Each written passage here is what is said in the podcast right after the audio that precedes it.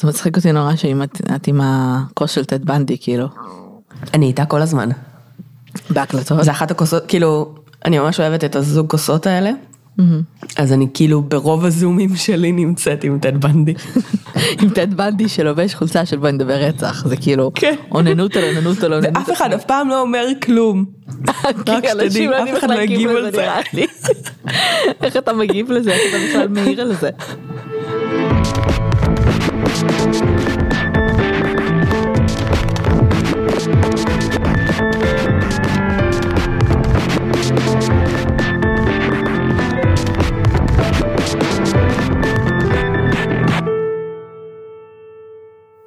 לכולם וברוכים הבאים לבואי נדבר רצח, פודקאסט על פשע אמיתי מהארץ ומרחבי העולם. אני קרן. ואני שלי. ואנחנו יוצרות והמנחות של הפודקאסט, אז כרגיל תודה רבה למאזינים שחוזרים אלינו בכל שבוע מחדש, וברוכים הבאים למאזינים החדשים. הגעתם לפודקאסט באווירת סלון קזואלית, כשבכל פרק מישהי מאיתנו מביאה איזשהו קייס שהיא רוצה לדבר עליו, וזה בגדול מה שאנחנו עושות. אז היום אני מביאה את הקייס. אה, לא התייחסנו לזה בפרק הקודם, אה, כי לא ידענו כשהקלטנו את הפרק הקודם, אבל אנחנו רוצות אה, להגיד באמת אה, תודה לכולם על הזכייה שלנו באמת בגיק טיים, אה, הפודקאסט העצמאי של השנה ובמקום השני והסופר מכובד אה, בפודקאסט ההשערה של השנה, עם באמת תחרות שנהיית יותר ויותר קשה בכל שנה. אז המון המון תודה לכל מי שהצביע, אה, מאוד מאוד ריגש אותנו ומאוד פרגן לנו. אנחנו מאוד מעריכות את זה וכיף לנו שאתם נהנים ואוהבים את מה שאנחנו עושות. אה, אז אה, תודה. כן. אה, וזהו, וכן, נראה לי, אמרתי לך את זה כזה בחצי מילה, אבל היינו אתמול בטיפת חלב עם תום, היה לה חיסון של גיל חודש, ו... וטיפה, כאילו כזה בדיקות רגילות של טיפת חלב. ואז האחות של טיפת חלב התחילה לדבר איתי על זה שקודם כל זה נורא חשוב שיהיה לכם אה, אה, עזרה ונורא חשוב ש, אה, שתעשי גם, תצאי קצת מהבית ותעשי דברים שעושים לך טוב וכל מיני כאלה. אה, כאילו ניסתה כזה לרמוז לי. תחביבים. תחביבים, כאילו ניסתה לרמוז לי נורא נורא בצורה מאוד גסה ולא סאטל על כאילו דיכאון לאחר לידה ואיך נמנעים ממנו וכל מיני כאלה. ואז היא אומרת לי, מה עושה לך טוב, מה את אה, כזה. אז אמרתי לה, התחלתי, ניסיתי להיזכר מה, מה חזרתי לעשות לפני, כאילו שהייתי עושה בדרך כלל. ואז אמרתי לה, תראי, כאילו יש לי פודקאסט, וחז... עכשיו היא לא יודעת מה זה פודקאסט, וחזרנו לעשות אותו עם, אה, עם אה, כאילו חברה שלי, וחזרנו עכשיו, אז זה ממש נחמד. שיש ל- לקיום שלי יותר משמעות מכאילו קקי בשלב הזה כאילו זה מה שזה מזה, מזה בנוי הקיום שלי. אמ, אז היא אמרה מה מה זה פודקאסט אז אז אמא שלי אמא שלי הייתה איתי אז היא אמרת לה זה כמו תוכנית רדיו הן מאוד מפורסמות את יודעת כזה שהם נורא אוהבים כאילו להרים לנו המשפחה אז אה, אז היא אמרה אה באמת תוכנית רדיו מה ואפשר לפרסם אצלכם דברים והיא כאילו מתחילה לדבר איתי כאילו ממש זה ואני אומרת לה תקשיבי זה. זה, ורק בסוף היא שואלת אותי, על מה, על מה אתם מדברות? ואני כזה, על פשע אמיתי, ורוצחים סדרתיים, וקרימינולוגיה. לא נראה לי שכאילו נשים ישר אחרי לידה זה כאילו הקהל יעד. אין לדעת, אין אין לדעת. לדעת, אבל על הפרצוף של כאילו מתלבטת בין לקרוא לרווחה, או כאילו, או מה עושים, מה, מה עושים אה, עם המידע הזה, אבל אה, כן, בסדר. אה, אבל הנה, אה, אם כבר אה, טיפ ראשון אולי אפשר לומר, להורים? מאז שאחת מאיתנו היא הורה. כן, עם הפזם המטורף שלי של חודש. כן, בסדר, אין מה לעשות, עקומת למידה גבוהה, לגמרי. ככה זה. אז, אז הטיפ הראשון הוא לדבר על רצח. נדבר על רצח, כן, זה עוזר. כן, כן. אם זה עושה לכם טוב, לא כאילו בקטע של... אה, זה הצחיק אותי נורא, אה, עכשיו שכאילו סיימנו את החודש הראשון, סיימנו. כשתום נולדה, אה, תגובות של אנשים שאני מכירה וגם של אנשים שאני פחות מכירה, התחלקו לשניים. אנשים שהם הורים ואנשים שהם לא. הורים.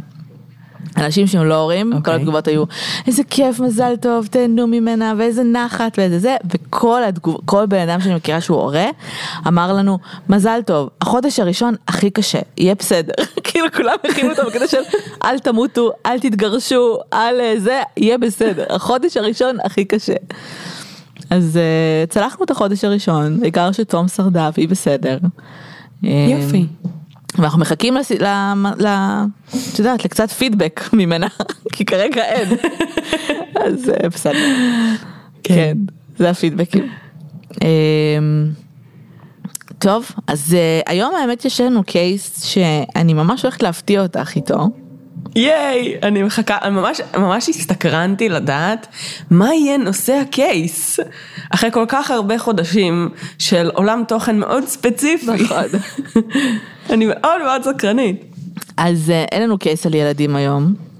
אה. ויש לנו קייס שמאוד הולך להפתיע אותך. כי יש לנו קייס ישראלי. וואו, תראו כן. אותך. כן. זה קייס ש... אמ, עשינו קייסים דומים אליו בכל, ב, ב, את יודעת, מבחינת התוכן פחות או יותר, אבל זה קייס שישב עליי והציק לי כבר תקופה, הוא, הוא חדש, בסדר יחסית, הוא בן כמה חודשים, אה, הוא עדיין לא סגור עד הסוף, זה גם תלוי את מי את שואלת, אבל זה קייס ש... שהתפוצץ קצת, כאילו עלה עוד פעם למודעות עכשיו, מי שמכיר את התוכנית אה, חשיפה של חיים אתגר, אה, אז היה פרק על הקייס ממש לא מזמן, לכו תראו, סופר מעניין. אה, שקצת הציף אותו עכשיו, ואני חושבת שהוא כן קצת שונה מהקייסים האחרים שעשינו, שעשינו בעצם עליהם. זה בעצם, אנחנו נדבר היום על הקייס של, אה, בקייסים הישראלים אנחנו מדברות על הקורבן רוב הזמן, אה, של אבישג פחימה, שמעת עליו? אני לא בטוחה. את כנראה שמעת את השם, לצערי הרב הייתה לנו תקופה פה בישראל, לא, לא שהיא נגמרה, אבל של המון המון שמות של נשים שרצו אה, בהקשרים אה, בדיוק. לצערי לא טובים, כאילו נשים שאיבדו כן. את החיים שלהן. אה, אז אחת מהן זה באמת אב- אבישג פחימה. אה, ואנחנו בעצם נדבר אה, קודם כל קצת אה, על אבישג ואחרי זה נראה באמת מה קרה. אז הקייס כמו שאמרתי קצת דומה לקייסים ישראלים אחרים שעשינו כי יש בו אה, את הדברים שאנחנו מכירות, יש בו מערכת יחסים אה, ואהבה גדולה. אה, מאותן אהבות שסוחפות אותך מהרגליים וגורמות לך להרגיש בהגד... בהגדה. אה, אהבה גדולה שתוך מספר חודשים קצרים, מאוד קצרים, התפתחה גם להצעת נישואין, אה, כשבאגדות זה באמת מעיד הרבה פעמים על אה, אהבת אמת או אהבה מבת ראשון.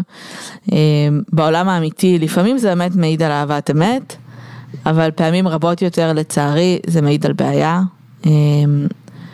ולמרות שאנחנו מכירות אין ספור סיפורים כאלו שבאמת אה, מסתיימים במוות, שהתקשורת אוהבת לקרוא לו רצח מתוך תשוקה וכל מיני כאלה, הסיפור הזה שונה, משהו פה הרגיש לי הרבה יותר מחושב, mm-hmm.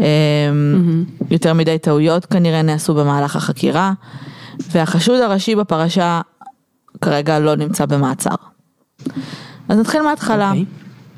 במרץ 22, פחות משנה, ביום שבת בצהריים מתקבלת שיחה אה, למשטרה. אה, המטלפן הוא בחור בשם דוד נתנזי שמעדכן שבת הזוג שלו נמצאת אה, חסרת הכרה אצלו בבית אחרי שהיא לקחה כמה כדורי מרשם ובעצם הוא מספר שהיה איזשהו ניסיון התאבדות. כשמד"א מגיעים לבית, אבישג כבר ל- ללא דופק, הם מנסים לבצע בניסיונות החייאה, הם מנסים באותו, מהשנייה שהם נכנסים לבית, לדבר עם דוד כדי לשאול אותו מה היא לקחה, אה, כי זה קריטי. בעצם בבחירת דרך טיפול, אה, איזה כדורים, הם בדרך כלל באים עם איזשהו מידע של אה, איך אפשר, כאילו איזה נזק, איזה כדור, איזה כדור עושה או כמה כדורים היא לקחה. Mm-hmm. דוד לא ממש עונה, הוא מתמהמה, הוא טוען שהוא לא יודע, הוא מתנהל בצורה די רגועה, שמעלה חשד אפילו אצל הפרמדיקים from day one, זאת אומרת כבר בשלב הראשוני. אז בוא נדבר רגע על אבישג. אבישג גדלה בירושלים, בשנים האחרונות של החיים שלה היא גרה במדרשה יחד עם 18 נשים חרדיות בשנות ה-20 המוקדמות לחיים. אמ, זה לא מפתיע, כי אבישג תמיד תמיד תוארה כמישהי מאוד מאוד עצמאית, לא מפתיע, כי הילדה, הילדה, הבחורה הייתה בת 22 במותה, אה, הייתה בחורה מאוד מאוד צעירה. היו לה תשעה אחים נוספים, אמ, היא אה, גדלה בעצם משפחה חרדית, והיא מאוד מאוד דאגה לאחים שלה, תפקדה כסוג של אימא שנייה, אמ, אז כאילו מגיל אפס כזה היא לקחה על עצמה המון המון המון תפקידים שהם לא בהכרח היו תואמים את הגיל, לפחות לא בתרבות שלנו. הצטיינה בלימודים בתיכון, נתפסה כבחורה מאוד מאוד חכמה, אמ, מה שנקרא ראש על הכתפיים. שומרת מצוות, אבל כן מעורה מאוד בעולם החילוני, היה לה איזשהו משבר קצת עם, ה, עם העולם החרדי, וקצת אה, היא מתחה גבולות בשלב מסוים, וחיפשה את עצמה בתוך העולם הזה. אה, היא הייתה יוצאת הרבה לבלות עם חברות, מצד שני היא כן הייתה מאוד מחוברת לדת. היא התחילה לעבוד כבר בגיל 16 והיא התעקשה לפרנס את עצמה ולא לבקש כסף מההורים. אה, זאת אומרת כל דבר שהיא רצתה לקנות וכל דבר שהיא רצתה להשקיע בעצמה, לדוגמה היא רצתה ללכת ללמוד בשלב מסוים. היא הייתה עובדת בכמה עבודות, היא הייתה בחורה מאוד מאוד חרוצה. אה, היא הייתה סטודנטית לראיית חשבון. והחברים שלה אה, תיארו אותה כמישהי מאוד מאוד שאפתנית והיא דיברה לא פעם על העובדה שחשוב לה להיות עצמאית מבחינה כלכלית ובכלל, אבל באופן, אה, אה, אה, אבל בלי קשר לזה, כאילו חשוב לה ספציפית להיות עצמאית, עם, עם, ולסיים לסיים לימודים ולסיים ובעצם לבנות לעצמה איזושהי קריירה, לפני שהיא מתפנה ל, ל, לחיפוש של בן זוג ובכלל לבניית משפחה. היא למדה אה, טקוונדו, הייתה בכושר מעולה. ובאופן כללי, כאילו, אבישג הייתה מה, מהבחורות האלה שכולם מדברים, שהייתה אישיות שאי אפשר לפספס. כאילו, סופר כריזמטית, ברגע שהיא נכנסת לחדר, אז כולם יודעים שהיא הגיעה. אה, חברותית מאוד, דעתנית. אה, בחורה באמת עם ראש על הכתפיים ואחת שיודעת מה היא רוצה וגם יודעת להגיד מה לא מתאים לה ומה היא לא רוצה. אה, תמיד אנחנו שומעות על נשים שהן נתפסות כנשים, אה, שזה תמיד מפתיע אותן, בסדר? נשים שנתפסות mm-hmm. כנשים חזקות, דעתניות, שבמרכאות נופלות למערכות יחסים כאלה שבהם הם הכל חוץ מזה. אה, אז כמו שאמרנו, היא הייתה מאוד, היו לה תשעה אחים, היא הייתה מאוד קרובה למשפחה שלה. הייתה מדברת איתם הרבה בטלפון, גם למשפחה הגרעינית וגם למשפחה המורחבת. הייתה מגיעה המון לביקורים, מערבת אותם נורא בחיים שלה, זאת אומרת זה מישהי ש... אה, מתייעצת עם ההורים שלה על כל מיני בחירות שלה בחיים, אה, מספרת, היא לא מהילדות שהיו נוטות להסתיר יותר מדי מידע מההורים. אביה דוד פחימה אה, ואימה ענת עברו לירושלים אחרי שהם התחתנו אה, וחזרו בתשובה ביחד. אה, הם מתוארים ומתנהלים כאנשים מאוד מאוד צנועים שמחפשים בעצם לפרנס את המשפחה שלהם, לגדל את הילדים שלהם בבית אוהב, הם סופר נעימים, הם סופר באמת כאילו כשמדברים גם על אבישג וגם על הילדים האחרים שלהם. אה, מדברים נורא נורא בגאווה אה, ונורא נורא במסירות כזו של פשוט הורים, בסדר, הורים לכל דבר. נשמע שזה היה בית שהיה באמת בית נורא נעים ואוהב.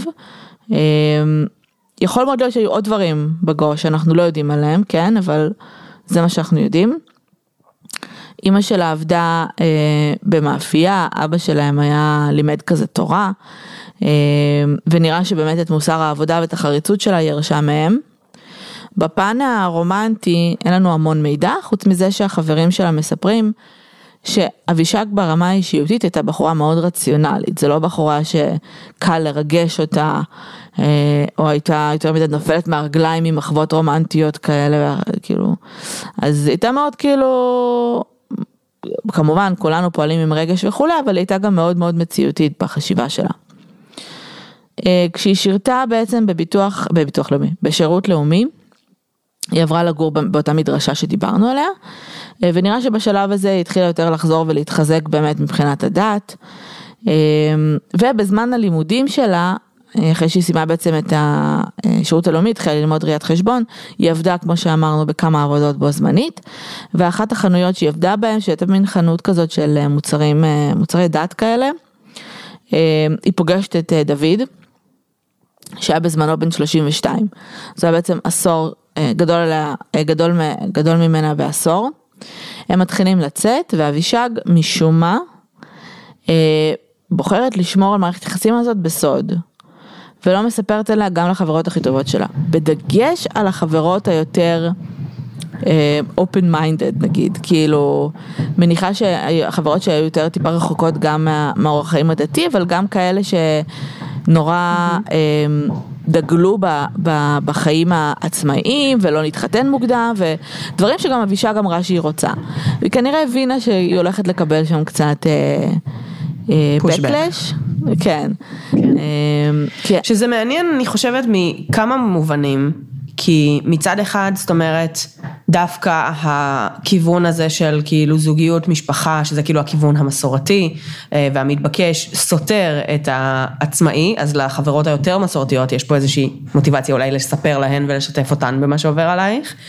אה, אבל גם בעצם מהצד השני של, אה, זאת אומרת, אולי הפער גיל או משהו כזה, כאילו, או משהו אחר, כן גורם לה בעצם לא לרצות לשתף את זה גם, ב, זאת אומרת, בכל הסקאלה, שזה באמת נשמע כמו דגל אדום ראשון, אה, אם אנחנו מדברים על... אה, על סוג הפרסונה שאנחנו גם רואים פה, שהיא מאוד מוחצנת והיא מאוד משתפת והיא מאוד כאילו, האנשים שסביבה מאוד מעורבים בחיים שלה ובהחלטות שלה, אז פה יש פתאום משהו חריג. נכון. אני חושבת שהמערכת יחסים הזאת, אנחנו גם תכף נדבר על הצעת נישואים, אבל מערכת יחסים פשוט נהייתה נורא רצינית נורא מהר. אה, ואני חושבת שהיא גם הבינה שמהצד זה נראה מוזר. או פחות, כאילו, סבבה, תהיי במערכת יחסים, תהיי בזוגיות, תהיי בתצאי, אוקיי? לא אומר שצריך מחר להתחתן, כאילו, והיא הבינה שיהיו אנשים שכנראה יהיה להם קצת מוזר. Mm-hmm. אז בגדול היא, היא לא ממש סיפרה, היא כן בשלב מסוים אמ, כאילו מתחילה כאילו קצת לדבר על זה ועל זה שאולי יש לה, שיש לה בן זוג, כאילו היא לא מסתירה את זה בצורה, פשוט כאילו פחות משתפת. באותה תקופה החברות שלה גם שמות לב שהיא פחות זמינה להן. עכשיו דיברנו על זה בעבר ואנחנו יודעות שזה כאילו לא, לא בהכרח התנהגות מאוד יוצאת דופן, מערכת יחסים חדשה, בטח כשאת בחורה צעירה. אה, יש המון המון התלהבות בהתחלה ומבלים המון המון זמן ביחד. והרבה פעמים באמת קצת מזניחים כל מיני אה, מערכות יחסים אחרות. בשלב מסוים זה מתאזן, כאילו בשלב מסוים זה, זה קצת ה honeymoon phase עובר ו- וקצת מתחילים יותר להסתכל מסביב וזה נהיה יותר מאוזן. בכל אופן זה כן כן יש כאילו הרבה פעמים שינוי ב priorities, זאת אומרת mm-hmm. האיזון הזה זה לאו דווקא אומר באמת אה, בדיוק אותו הדבר כמו בעבר, נכון. אבל כן אה, באמת, זאת אומרת יש פה גורם חדש שמתווסף למשוואה וגורם לאנשים, אה, אה, לנשים וגברים גם בסיטואציה הזאת, כאילו לתעדף מחדש את החיים שלהם, את מערכות היחסים שלהם, את האופן שבו הם בוחרים לחיות. לפעמים זה תקין, זאת אומרת ברמה מסוימת זה תקין, אה, אבל באיזושהי נקודה ובאיזושהי רמה זה מתחיל להיות לא תקין. כאילו זה, זה פשוט בן אדם חדש שנכנס לך לחיים, אז זה שואב ממך זמן, אין מה לעשות, שותה לך זמן.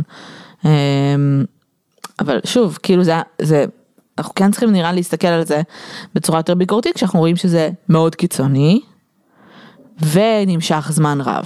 כאילו, בסוף... אה, ש... גם אם זה... שזמן רב זה כמה? לא יודעת, כאילו, בסוף, גם אם זה לא מערכת יחסים, גם אם זה לא אלימות, בסדר? אה, בין, אני הייתי רוצה לחשוב שאנשים שסובבים אותי, חברות שלי, ווטאבר, שנכנסות למערכות יחסים, שה... שהן לא נבלעות לתוך בן אדם אחר, כאילו בסוף זה גם חשוב. אמ, כאילו אני, אני אומרת את זה ואני כל הזמן חושבת גם על הורות, כאילו. Mm-hmm. שכרגע אתה נמצא באיזשהו מקום שיש לך פריוריטי אחד ויש לך בן אדם אחד שתלוי בך וזה בסדר. בשלב מסוים צריך טיפה להתחיל להבין שאתה. לא יכול להיבלע בתוך חיים, אה, בתוך, בתוך ההגדרה הזאת של הורות ולהתחיל. להחזיר לעצמך כל מיני תכונות אחרות, ואת יודעת, לחזור כן. לחיות. looking forward to the day. עוד איזה 18 שנה ככה. כן, לא, אבל לא, האמת שגם עכשיו אני כאילו, נגיד לפני כמה ימים יצאתי, הלכתי לראות, לפגוש חברה כאילו, הייתי כזה, יצאתי עם חברות. זה היה ממש נחמד עכשיו. אני אצא האימא הכי כאילו מעצבנת בעולם ואני אגיד שכאילו הייתי איזה שלוש שעות בחוץ והתגעגעתי אליה, כן? כאילו. ברור. אבל זה היה ממש נחמד, זה היה כאילו בקטע של כאילו, אוקיי, אני, אני לבושה ואני לא, אני לא מזון של אף אחד כרגע, אני בן אדם שמתקשר עם אנשים אחרים. זה נחמד. כן, וזה חשוב. מרגש. אז גם במערכות יחסים, נראה כן. לי. לגמרי. אה, החברים שלה גם מדברים היום אה, על אה, התנהגות שהייתה להם קצת מוזרה, אבל שכאילו, שבדיעבד נראית להם מוזרה, ובזמנו הם לא ממש שמו לזה דגש. מעבר לעובדה שהיא התרחקה מכולם, כש, כש, כשהיא כן הייתה בעצם עם חברים שלה, התנהגה בצורה כבויה יותר. אני מזכירה שזו בחורה פלפלית כריזמטית. אה, ההתנהגות שלה עם הטלפון שלה הייתה נראית, הייתה נראית להם מוזרה, הייתה צמודה אליו מאוד, בודקת הודעות כל הזמן, אה, וכשדוד היה שולח לה הודעה, היא הייתה עונה במהירות ובלחץ. זאת אומרת, אין מצב שכאילו היא רואה הודעה והיא לא עונה תוך שנייה.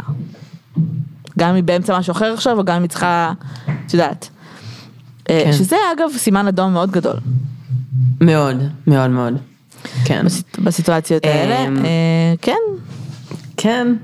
אה, שזה כאילו, אני רוצה להגיד מצד אחד, זה סימן אדום מאוד גדול, אבל הוא גם מאוד בולט. וברגע שהיא, וכאילו נגיד לפני עשור או אולי כבר קצת יותר, אבל כאילו פעם לא היה בהכרח את, ה, את הכלי הזה, ואני מרגיש שגם באמת אפשר למנף אותו כדגל, שברגע שאנשים יהיו מאוד מודעים אליו, הוא מאוד מאוד, באמת מאוד פותח את העיניים, כי קשה לפספס את זה, קשה לפספס בסיטואציה חברתית כלשהי, ש, שכאילו, שכל התשומת לב וכל האנרגיה היא באמת לאיזה מין... חרדה פנימית כזאת של להגיב נורא מהר ולהיות מאוד מאוד מחוברת לזה, כאילו יש בזה משהו באמת נורא חזק ופה אה, אגב אה, פורום מיכל סלע עושה עבודת הסברה מצוינת לגבי mm-hmm. הדבר הזה, אה, כי באמת זה דגל מאוד מאוד חזק. תחשבו רגע על עצמכם, כשאתם בסיטואציה חברתית ויש טלפון, או וואטסאפ, או הבן זוג מתקשר, אז ברור שאנחנו נרצה לענות לו, אבל אנחנו נהיה כזה, אני שנייה אענה לו, או שאני אשים את, או שאם הטלפון שלי רגע במקום אחר ואני לא רואה, לא, ב, לא רואה מה קורה, זה בסדר. אבל אם אני, תחשבו שכאילו זו התנהגות באמת ש, שממש רואים שהיא חריגה, א', בעיקר אנשים שמכירים, שיודעים שאולי זה לא התנהגות שאופיינית לאותו בן אדם, וב', כי זה נראה כאילו אם אני לא אענה מהר, יהיו לזה איזה שהן השלכות. אמ, אז זה משהו שהם ככה כן שמו לב אליו. אמ, אחרי חודשיים, אחרי פחות מחודשיים, אבישג בעצם סיפרה אה, להורים שלה ולחברים שלה שהיא מאורסת. מה זאת שהם,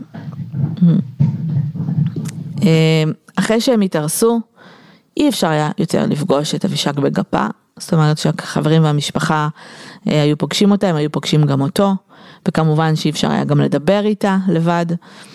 אה, זה היה ביחד עם דוד, הם תיארו אותו כבחור דומיננטי מאוד, מעורפל לגבי מה שהוא עושה בחייו, בגדול זה נשמע כי הוא מהאנשים האלה שכל הזמן בין עבודות. אה, ומחפשים את עצמם, הוא לא נשמע כמו בן אדם של מסגרות יותר מדי, הוא נשמע באמת כמו בחור סופר דעתן כזה. אה, אבישג התנהגה בצורה מאוד מרצה איתו, היא הייתה פסיבית נורא בשיחות, וזו בחורה שהיא בדרך כלל דווקא מאוד דומיננטית בסיטואציות חברתיות. אמ, וגם כשהם יצאו באמת ביחד אז אי אפשר לתפוס לשיחה לבד, הוא סוג של כזה עונה במקומה כל הזמן. לא היה קשה לפספס שההתנהגות שלה השתנתה ב-180 בעלות, והיה ברור שמשהו לא טוב עובר עליה. אבל, כשהחברים כן ניסו לשאול אותה מה קורה, היא כמובן סיפרה שהכל תקין והכל בסדר. אמ, וגם אותו דבר להורים, התחילה לבוא הרבה פחות למפגשים, היא לא הייתה מגיעה, הם פגשו אותו פעם אחת. אה, פגשו אותו בעצם באיזושהי מסיבת אירוסין שהם עשו בבית. אה, ההורים שלה פגשו את בעלה פעם אחת, לאורך לא. כל חייהם, או לפני? את מתכוונת, כאילו, לא, אני מנסה להבין אם לאורך כל החיים המשותפים שלהם ביחד, או בעצם רק עד הנישואים. זו הייתה פעם אחת. הם לא הספיקו להתחתן. אה, אה, הבנתי. בדיוק, אז הם פגשו אותו בגדול פעם אחת, תחשבי שהם ביחד חודש וחצי בערך, חודשיים, הם כבר התארסו. ההורים כן. שלה כזה עשו מסיבת אירוסין. הם התחילו לתכנן את החתונה, אז כן, הם פגשו אותו כאילו פעם אחת, ההורים שלה לא פגשו את ההורים שלו מעולם. אה, זאת אומרת, הפעם. אנחנו יודעים את זה כי בפעם הראשונה שאימא שלו, אימא שלה פוגשת את אבא שלו, זה כשהיא מחפשת אבישג, והם חושבים שקרה לה משהו. אה, וואו. אז כאילו זה ברמה הזאת. אמ, בהמשך, שזה בעצם אחד ה... אחד הדברים הכי הכי הכי דרמטיים שקרו בעיניי, אה, היא הפסיקה להגיע ללימודים. עכשיו אבישג, באמת הלימודים היו מרכז חייה, כל מה שהיא רצתה זה לסיים את הלימודים אה, ולהיות, הצ- אנחנו דיברנו על זה, היא שילמה על זה המון כסף, היא עבדה בשביל, כאילו, זו התנהגות מאוד מוזרה. חברות שלהם כן, כן, אני- התחילו לשים לב. אני חושבת שפה זה גם הנקודה לבוא ולהגיד, קודם דיברנו על שינוי ב priorities, הוא לא אמור להיות כזה עמוק. זאת אומרת, שינוי דרמטי. לא אמור להיות על הדבר האחד הכי חשוב בחיים שלך. זה לא אמור להשתנות. מה שאמור להשתנות זה הדברים בפריפריה, זה הדברים שהם באמת כאילו הנלווים והם הפחות בתעדוף באופן כללי, הם אולי יקבלו מקום קצת יותר נמוך, והבן זוג החדש והזוגיות החדשה תעלה קצת, וזה נורמלי וזה בסדר, אבל החלק המאוד מרכזי של הזהות שלך, לא אמור לרדת בפריוריטי. ברור. במערכת יחסים. וזה באמת כאילו גם דגל, כאילו ממש ממש ממש מטריד. אה, היא עוברת בעצם בשלב הזה גם לגור עם דוד ביחידת דיור שלו, שזה בעצם יחידת דיור שצמודה לבית של אבא שלו. אה, ואחת החברות שלה מהלימודים כן מתקשרת להורים שלה.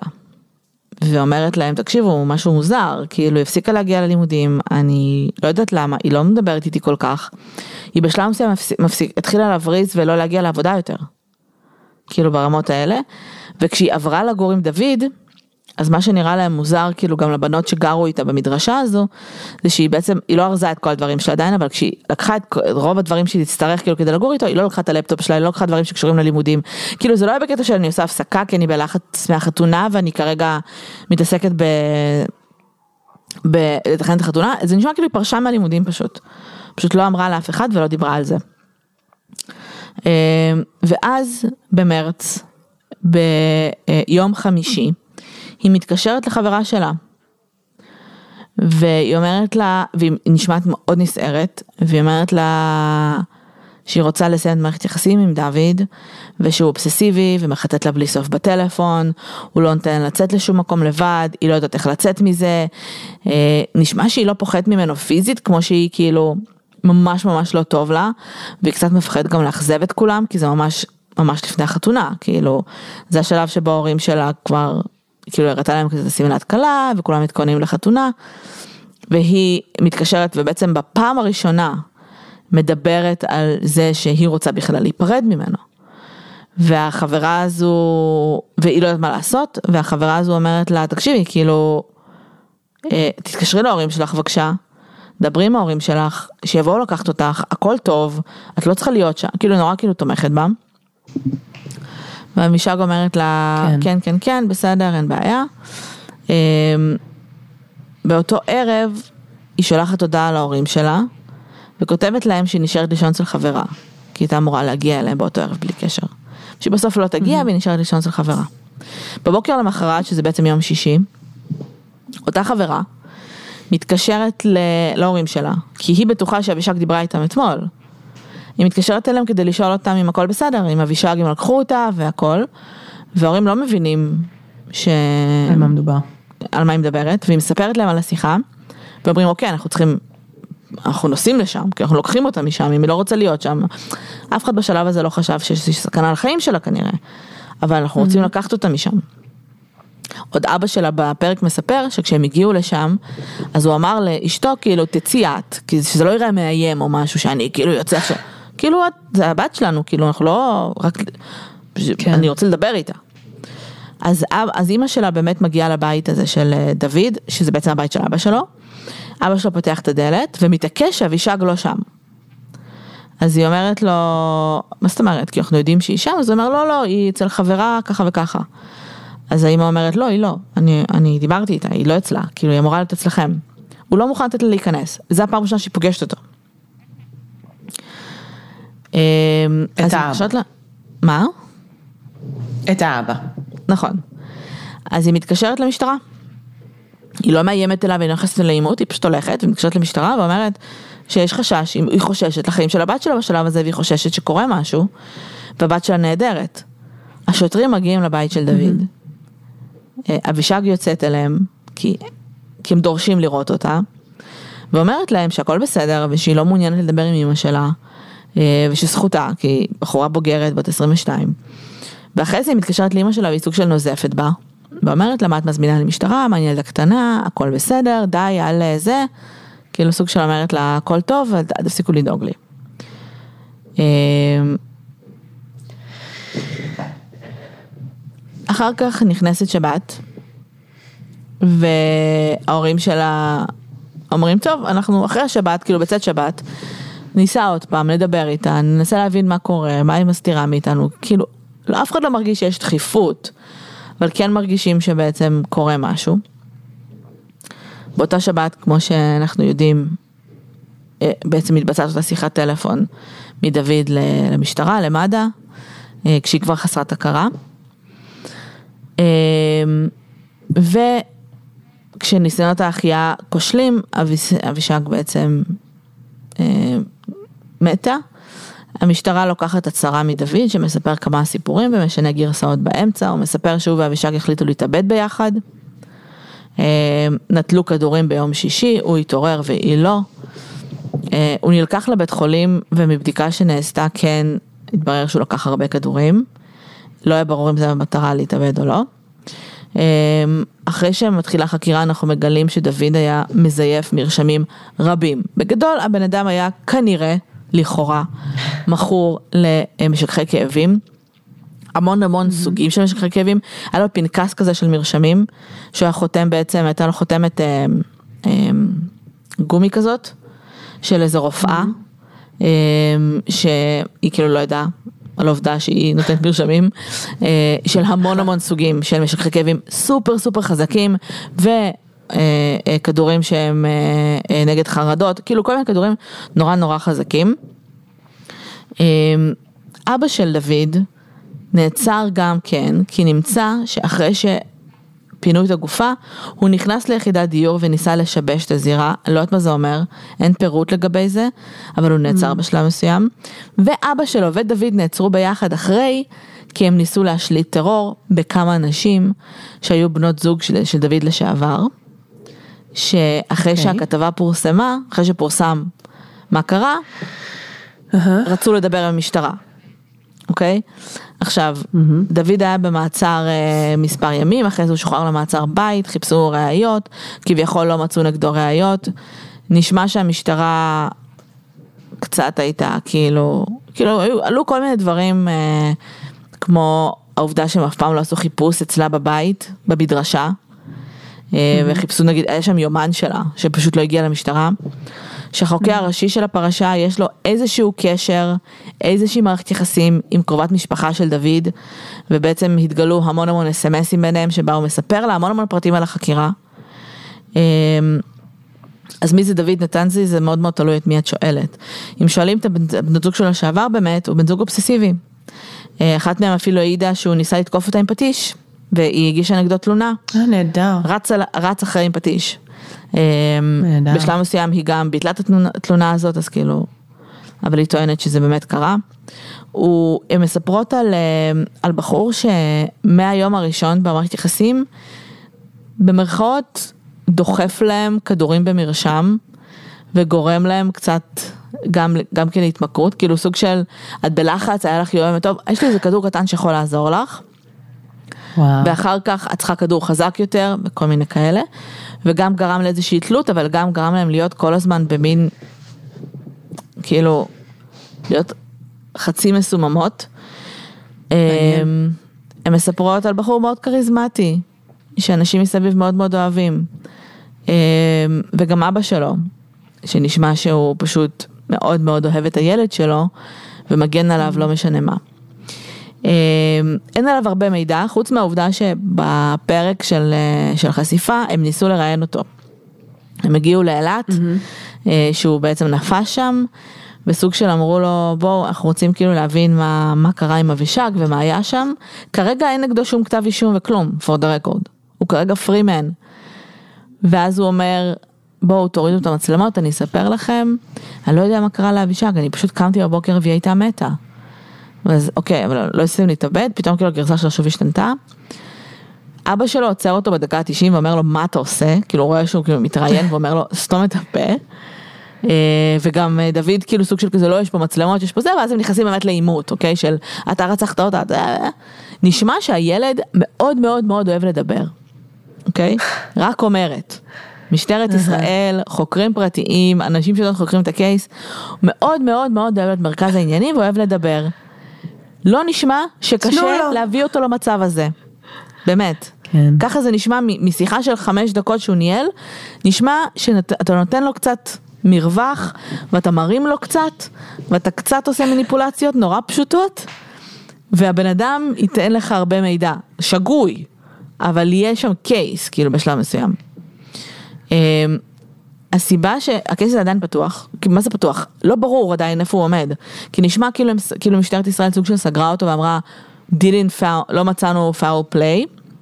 מצד שני, המשפחה שלה מאוד מאוד מאוד, כאילו עובדת היום גם עם חוקרים פרטיים וגם עם תקשורת, ומאמינים שבעצם הוא זה שגרם למותה, בין אם זה רצח לכל דבר, זאת אומרת, ב...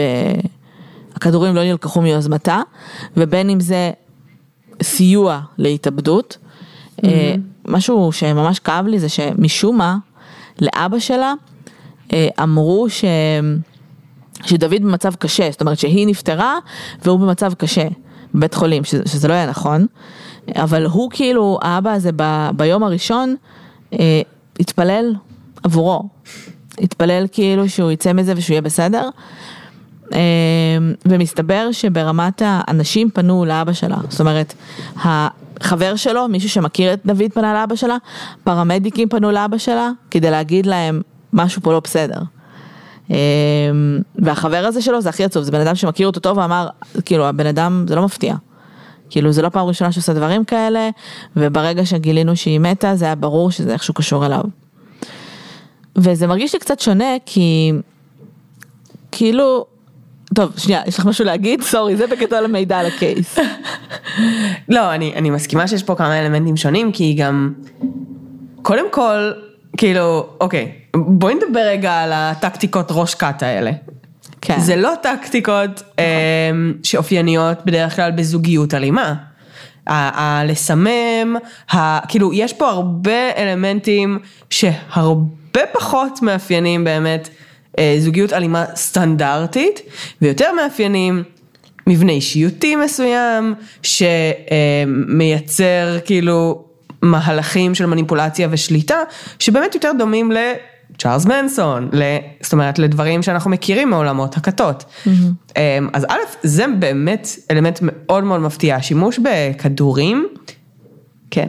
לא, לא, אני אומרת, אבל יש לך גם מצד שני את האובססיביות הממש קיצונית. נכון, נכון. אנחנו תמיד רואים בבני זוג, הממש קיצונית. נכון, שזה באמת מאוד מאוד חד משמעי, זוגיות אלימה, אה, בן זוג אה, כאילו מסוכן, אמ, וזה מאוד מאוד מתקשר גם למערכת יחסים ש... מה שנקרא ניצוץ מהיר שמתכלה מהר, אה, כאילו כן. מאוד מהר, אהבה נורא גדולה, אה, the biggest spark of my life, וזה באמת כאילו שורף את, אה, את הכל בדרך, הניצוץ הזה. אז כאילו כן יש פה איזה, איזה שתי, שני דברים ש, שסוג של כזה מתקיימים ביחד וזה באמת קצת שונה ביחס לקייסים אחרים שאנחנו אה, מכירים של אה, אלימות במשפחה וכאילו בסיטואציות כאלה. אה, אבל כאילו באמת מבחינת כל מה שאת מספרת עליו, הוא, הוא ללא ספק, אה, זאת אומרת דמות מעניינת אה, ואישיות.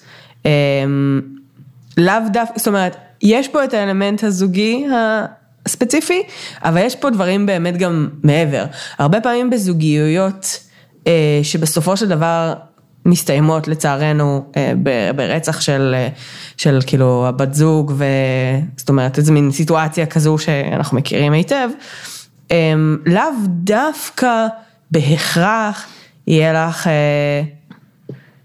זאת אומרת, זאת אומרת, עדיין יש שם אלמנטים אישיותיים בדרך כלל, עדיין יש שם דפוס, אבל זה בדרך כלל באמת בא לידי ביטוי בעיקר במערכות יחסים ובעיקר במערכות יחסים זוגיות ופה יש לנו משהו באמת קצת יותר רחב, קצת יותר עמוק וקצת יותר גורף.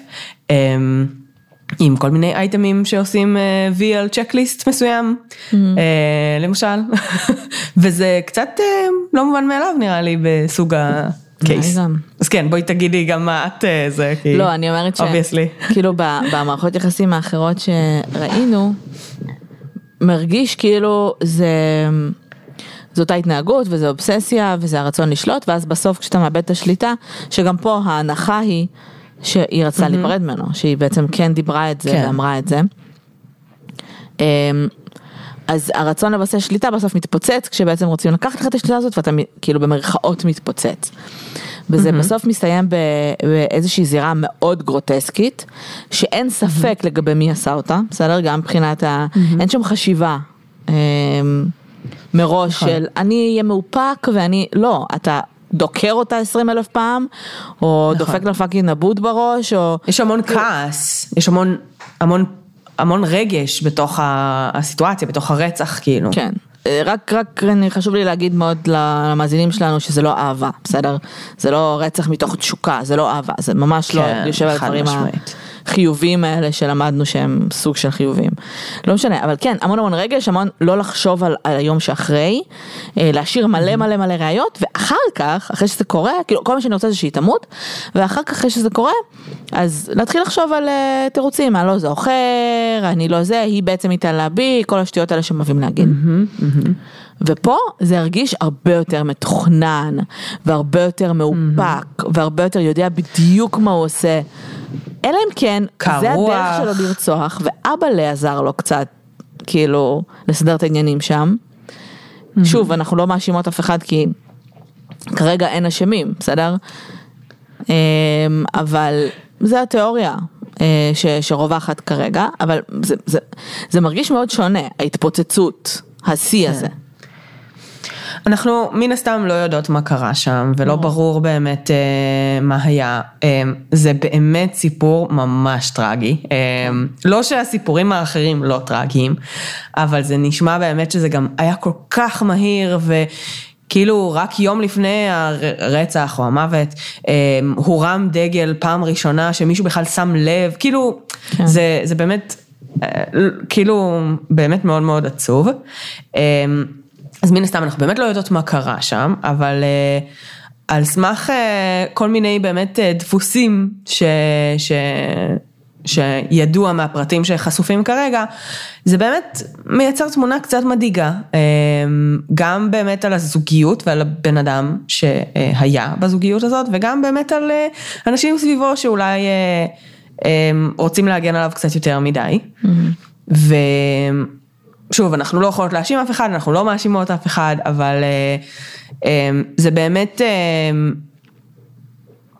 זה באמת לא נראה טוב. זה לא נראה טוב. אין לי דרך להסתייג מלהגיד משהו נחרץ. לא, זה גם לא נראה טוב, בעיקר כשבסוף לא אתה בן אדם שנמצא שם, שיש לו גם איזה מיליון כאילו גרסאות למה שקרה. כן, שזה גם, שוב מתחבר גם אה, ל... כאילו, אוקיי, סבבה, הרבה פעמים בני זוג שרצחו את, נש... את הנשים שלהם משנים גרסה, זה קורה.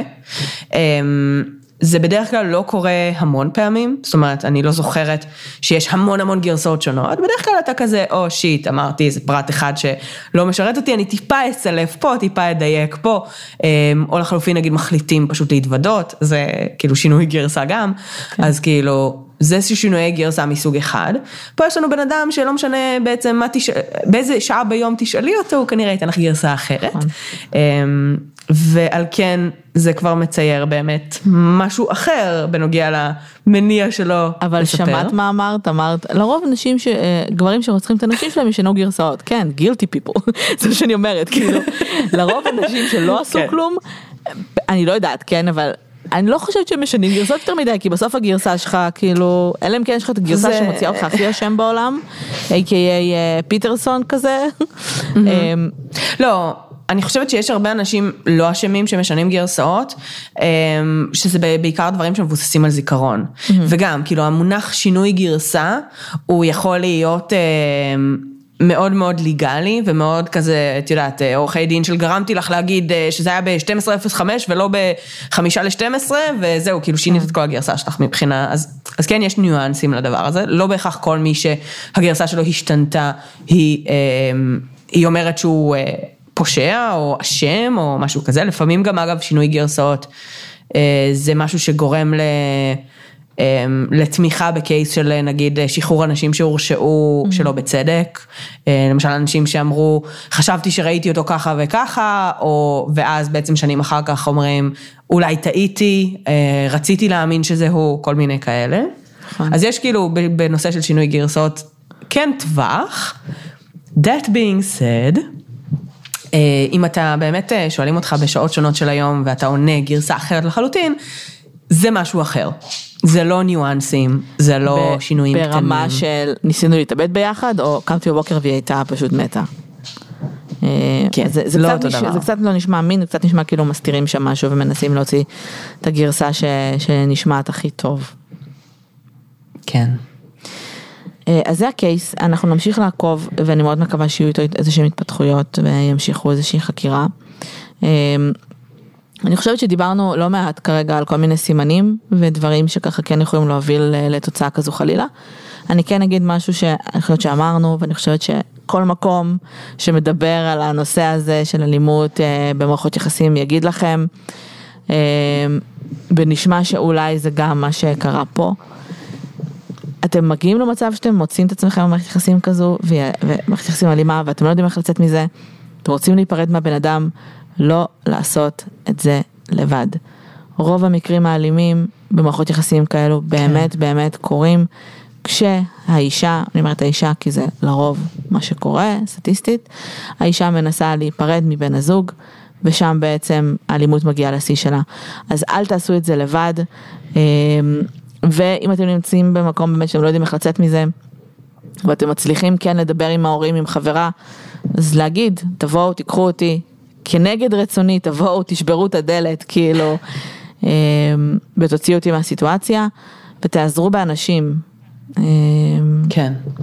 אני אפילו אקצין ואומר, אה, בנוגע לביצוע פרידה, אנחנו מלמדים אותנו מגיל מאוד צעיר לכבד אנשים ולתת לאנשים, אה, זאת אומרת, אה, איזושהי התנהגות ואיזשהו יחס שהוא נכון להם ומגיע להם, ואם אתה במערכת יחסים חשובה ומשמעותית, אז אתה רוצה לבצע את זה, להיפרד יפה ולעשות את זה face to face, וכאילו יש הרבה הרבה כזה נורמות חברתיות סביב הדבר הזה, אמ, אבל ואני כבר נתתי את העצה הזאת לאנשים in real life גם, אה, היא, היא, היא, היא מאוד קריטית.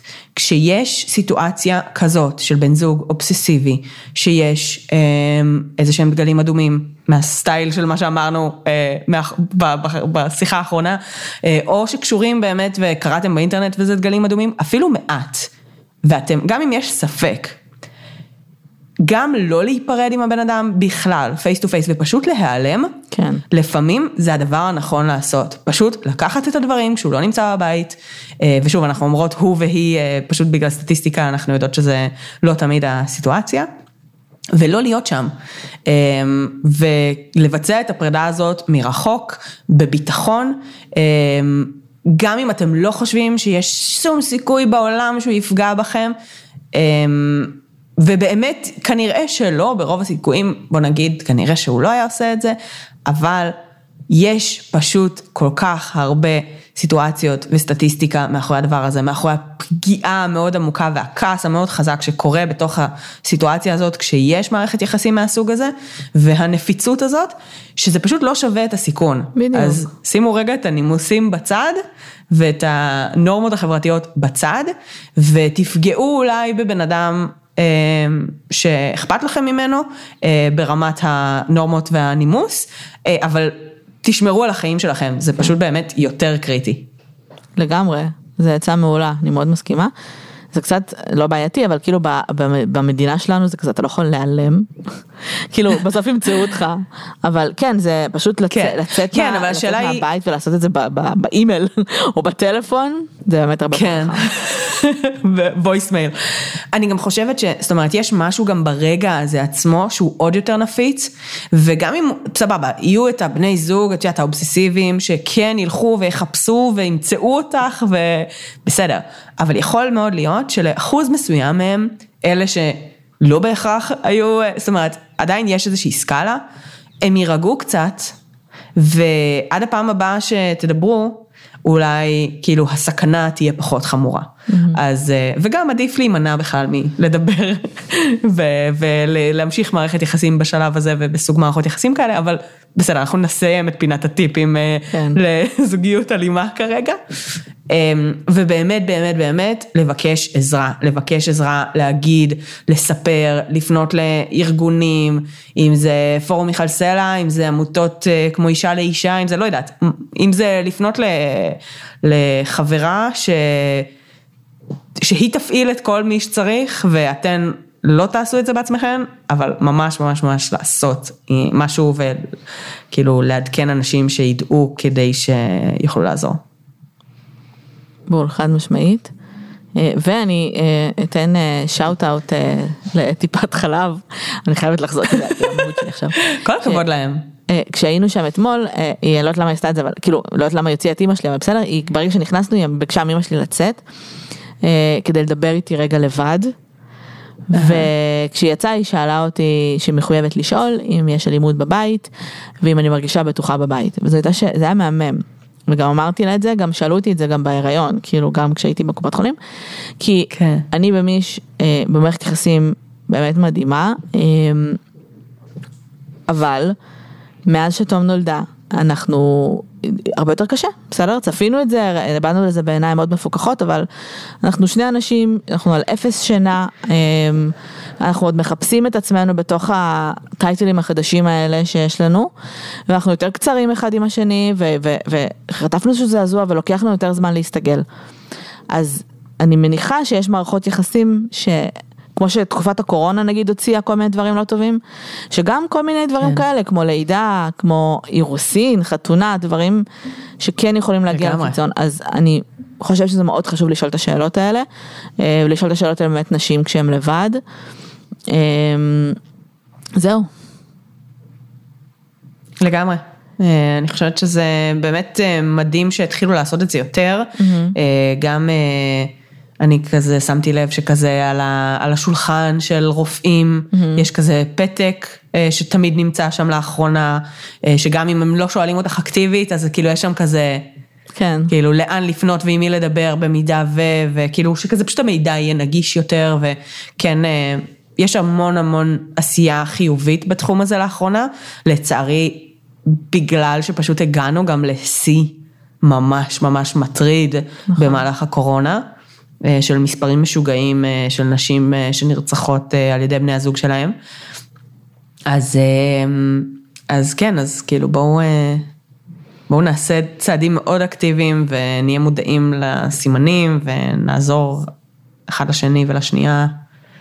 כן. וכל הכבוד לטיפת חלב. כן. משרד הבריאות אני מניחה. בסדר, אז זה בעצם הקייס. אל תתרגלו לזה, אני, זה פשוט היה קייס ספציפי שעניין אותי, סביר להניח שבקייס הבא אני חוזרת למקורות מה שנקרא. אמ, אז תודה רבה שהאזנתם, אנחנו היינו פה לדבר רצח, אנחנו מזכירות שאנחנו נמצאות בפייסבוק, אה, יש לנו גם עמוד וגם קבוצה, אה, באינסטגרם, בטוויטר, בפטריון. אנחנו נאחל לכם שבוע טוב, אה, שבוע קל בכבישים, אם כבר דיברנו על, על אלימות אז אל תצפרו לאנשים, אמ, שלא ירצחו אתכם. כן, כאילו, what the fuck, באמת, כאילו, אל תתקשרו עם אנשים. אמ, היה מערכון אה, ממש חמוד בארץ נהדרת של איזה מישהו שעומד בפקק עם אשתו. אה, והוא צופר למישהו ואז היא אומרת לו oh my god מה אתה מפגר וזה כזה oh my god תשב בשקט תשב בשקט אל תרים את העיניים אל תיצור קשר כאילו אתה מרגיש ממש בסכנה זה נורא מצחיק אבל זה נורא נורא עצוב. אמ, תראי, בארצות הברית זה... מה? בארצות הברית זה סטנדרט, אנשים רוצחים אחד את השני על רוד רייג' בארצות הברית או במדינות Jesus. אחרות, כאילו בצורה מאוד מאוד אה, סטנדרטית כבר שנים, ואנחנו כאילו גילינו את זה עכשיו. לא, חדש אצלנו. תראי, תמיד היה road rage ותמיד היה כזה אנשים שיוצאים כאילו ומתחילים אה, לצרוך אחד לשני וכאלה אחד לשני, אבל היה עכשיו ממש לא מזמן את הבחור, שאני לא נכון. זוכרת את שמו לצערי, אבל הרופא שנדקר, כאילו, הקטע שלה לדקור אנשים או לאיים, להסתובב עם סכינים, מה נסגר איתכם? באמת, מה נסגר כן. איתכם? שאגב זה הסיבה שבארצות הברית זה קורה הרבה יותר, כי פשוט יש להם נשקים כל הזמן, אז הם פשוט כן. מוציאים ו- ויורים, כן. כן, בכל אופן. טוב, אז אה, ייי, תשמרו על עצמכם, ואני. מקווה שהאנושות כאילו לא תקרוס, ונשתמע בשבוע הבא, ביי לכולם. ביי יוש.